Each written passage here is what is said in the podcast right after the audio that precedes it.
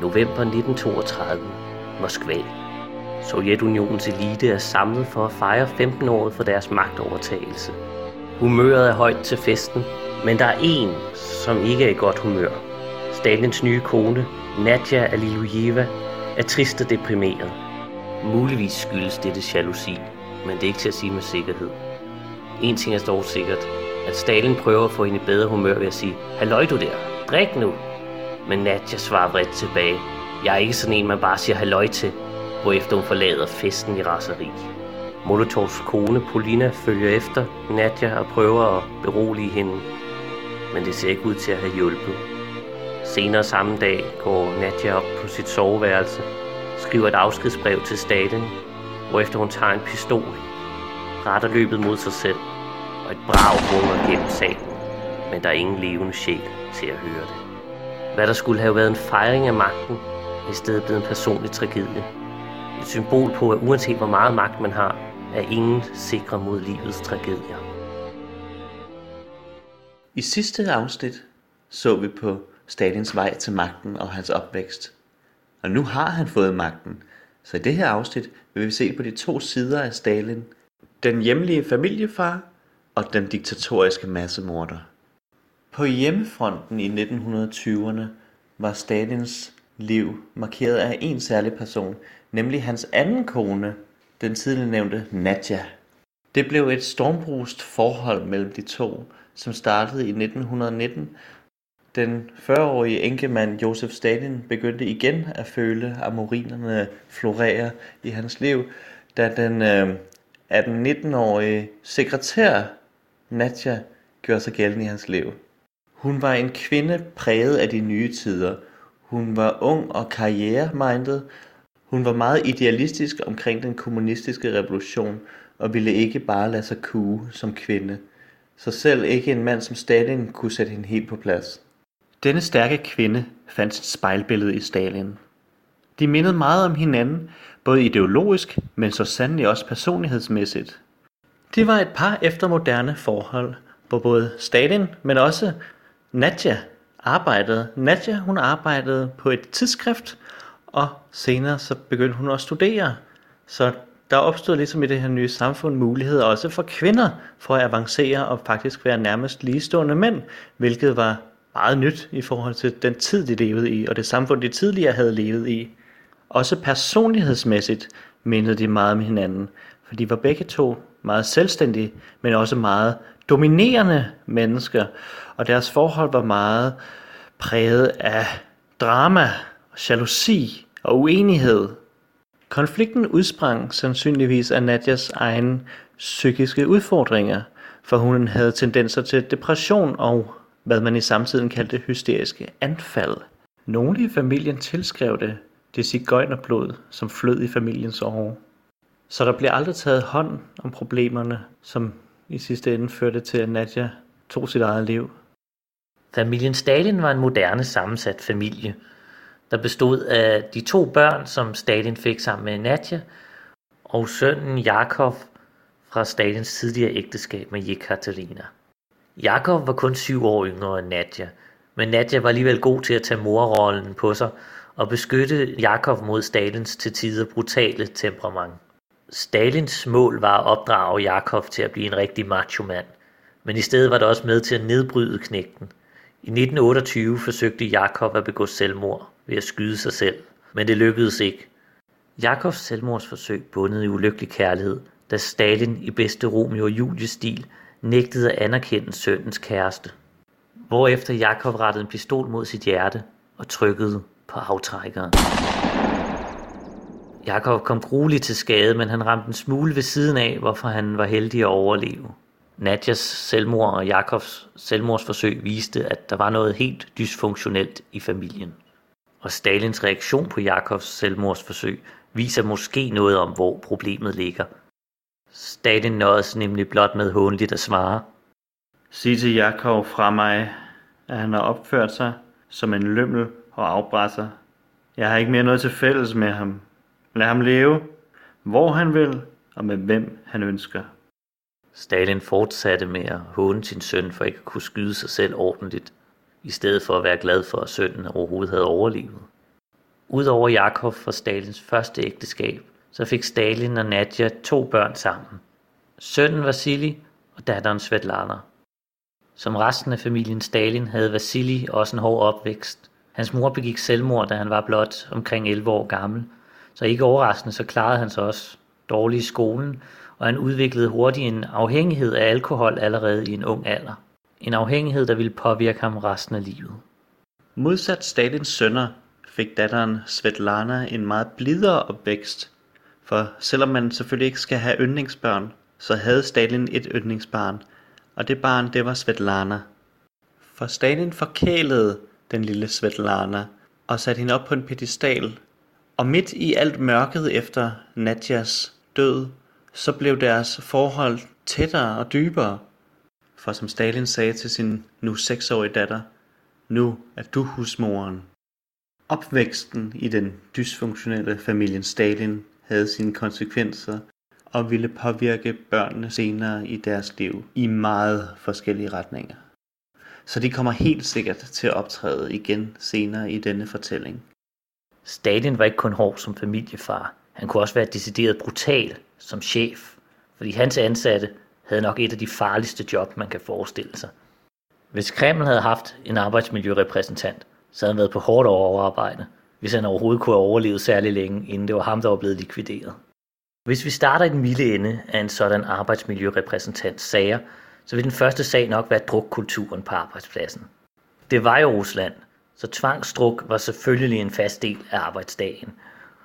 Et eksempel på dette var da Laurenti Beria, chefen for det hemmelige politi, skulle aflægge en rapport til Stalin, hvor Stalin først bad Beria drikke et stort glas vodka, inden han aflagde rapporten. Om dette havde en positiv effekt på fremlæggelsen af rapporten, skal vi ikke kunne sige, men derefter blev Beria straks beordret ud med omkring march forsvind, hvilket nok siger en del om arbejdstonen, da dette var i den milde ende. I den tungere ende af arbejdstonen lå deciderede trusler. Stalin troede jævnligt sine kollegaer med tæsk. Eksempelvis så blev en chef for NKVD truet med tæsk, og Beria blev engang truet med at få brækket ryggen, hvis han ikke holdt op med at genere en anden kollega. Og det blev ikke altid bare ved truslerne. Vi har mange eksempler på, at Stalin personligt slog sine kollegaer. Eksempelvis på en tur til Leningrad, da han steg toget på perronen, der valgte han at tjekke ud ved at slå den lokale politichef for det hemmelige politi lige i ansigtet. Det var Stalins måde at udvise konstruktiv kritik af politichefens dårlige arbejde. Og heller ikke Stalins nærmere medarbejdere undslap sig Stalins kærlighed.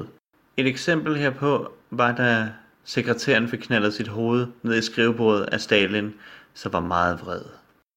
Stalin var også den moderne leder, som uddelegerede volden. Blandt andet så sendte han ordre ud, hvor han bad sine håndlanger om at pryle diverse folk.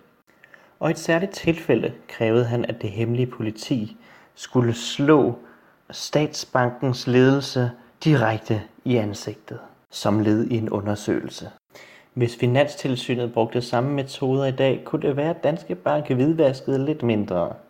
For nogle mennesker ville sådan arbejde måske virke hårdt og brutalt og ubehageligt, men Stalin var faktisk en mand, der nød sit arbejde.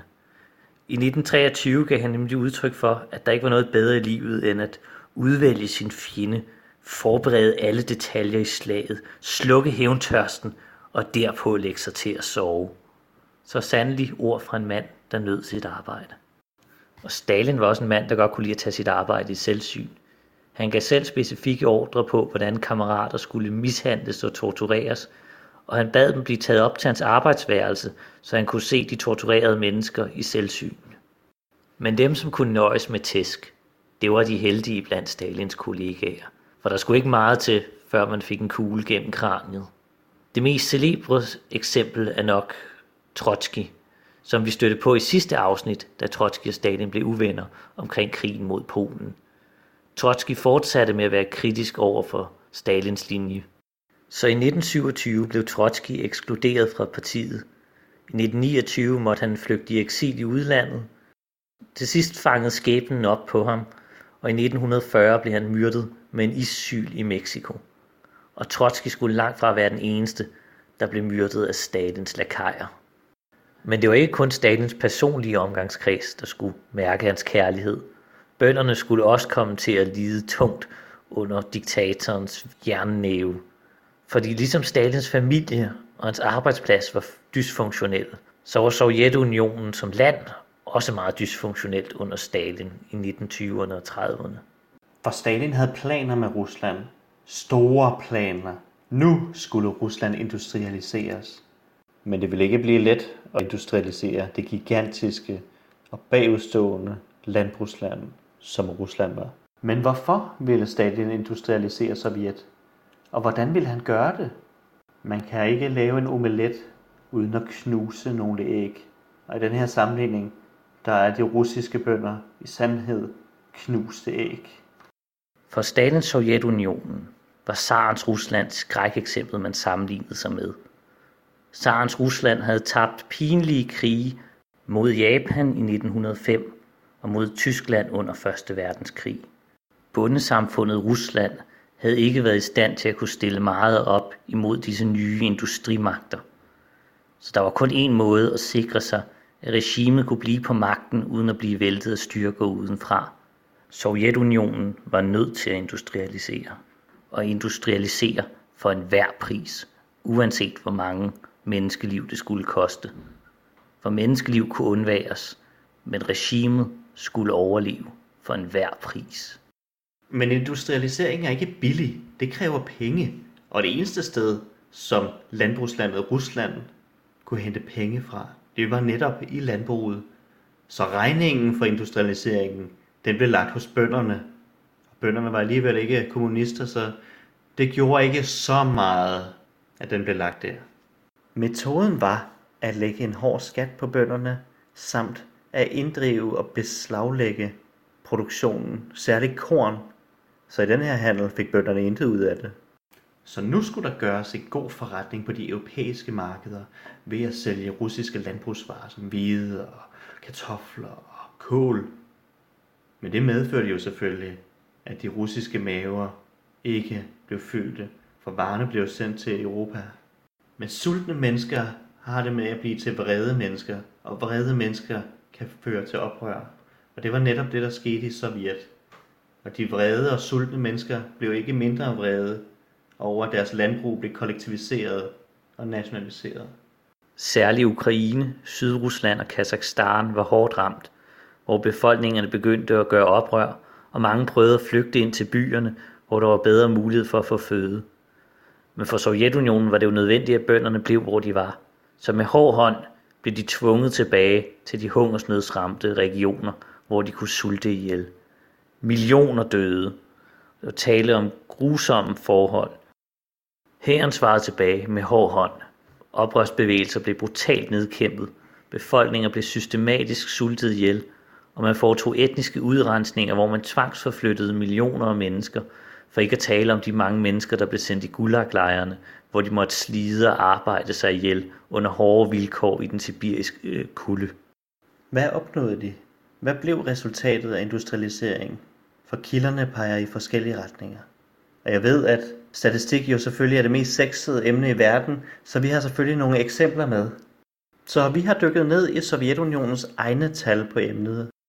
Og i perioden 28 til 37, der kan man se en ekstraordinær massiv vækst på alle fronter i den russiske økonomi.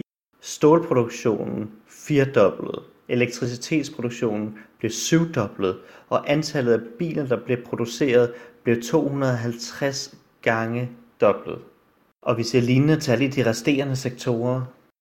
Tallene er med stor sandsynlighed blevet manipuleret, men man kan ikke komme udenom, at industrisektoren i Rusland har oplevet en vækst. Nogle historikere stiller spørgsmålstegn ved Ruslands overordnede vækst i den her periode, det man kalder BNP.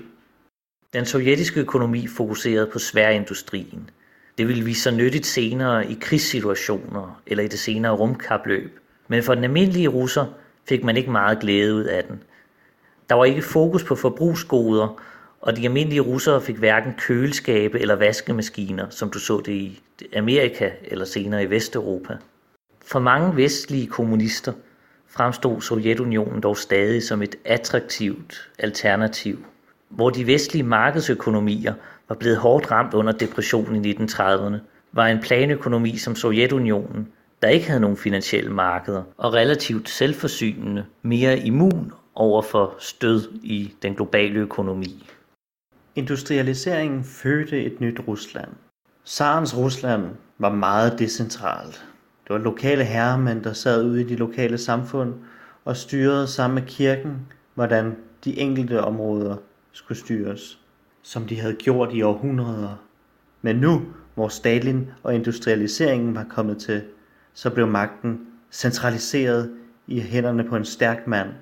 Og bønderne og andre, der gjorde oprør, de blev slået hårdt ned og udryddet og sendt i gulag.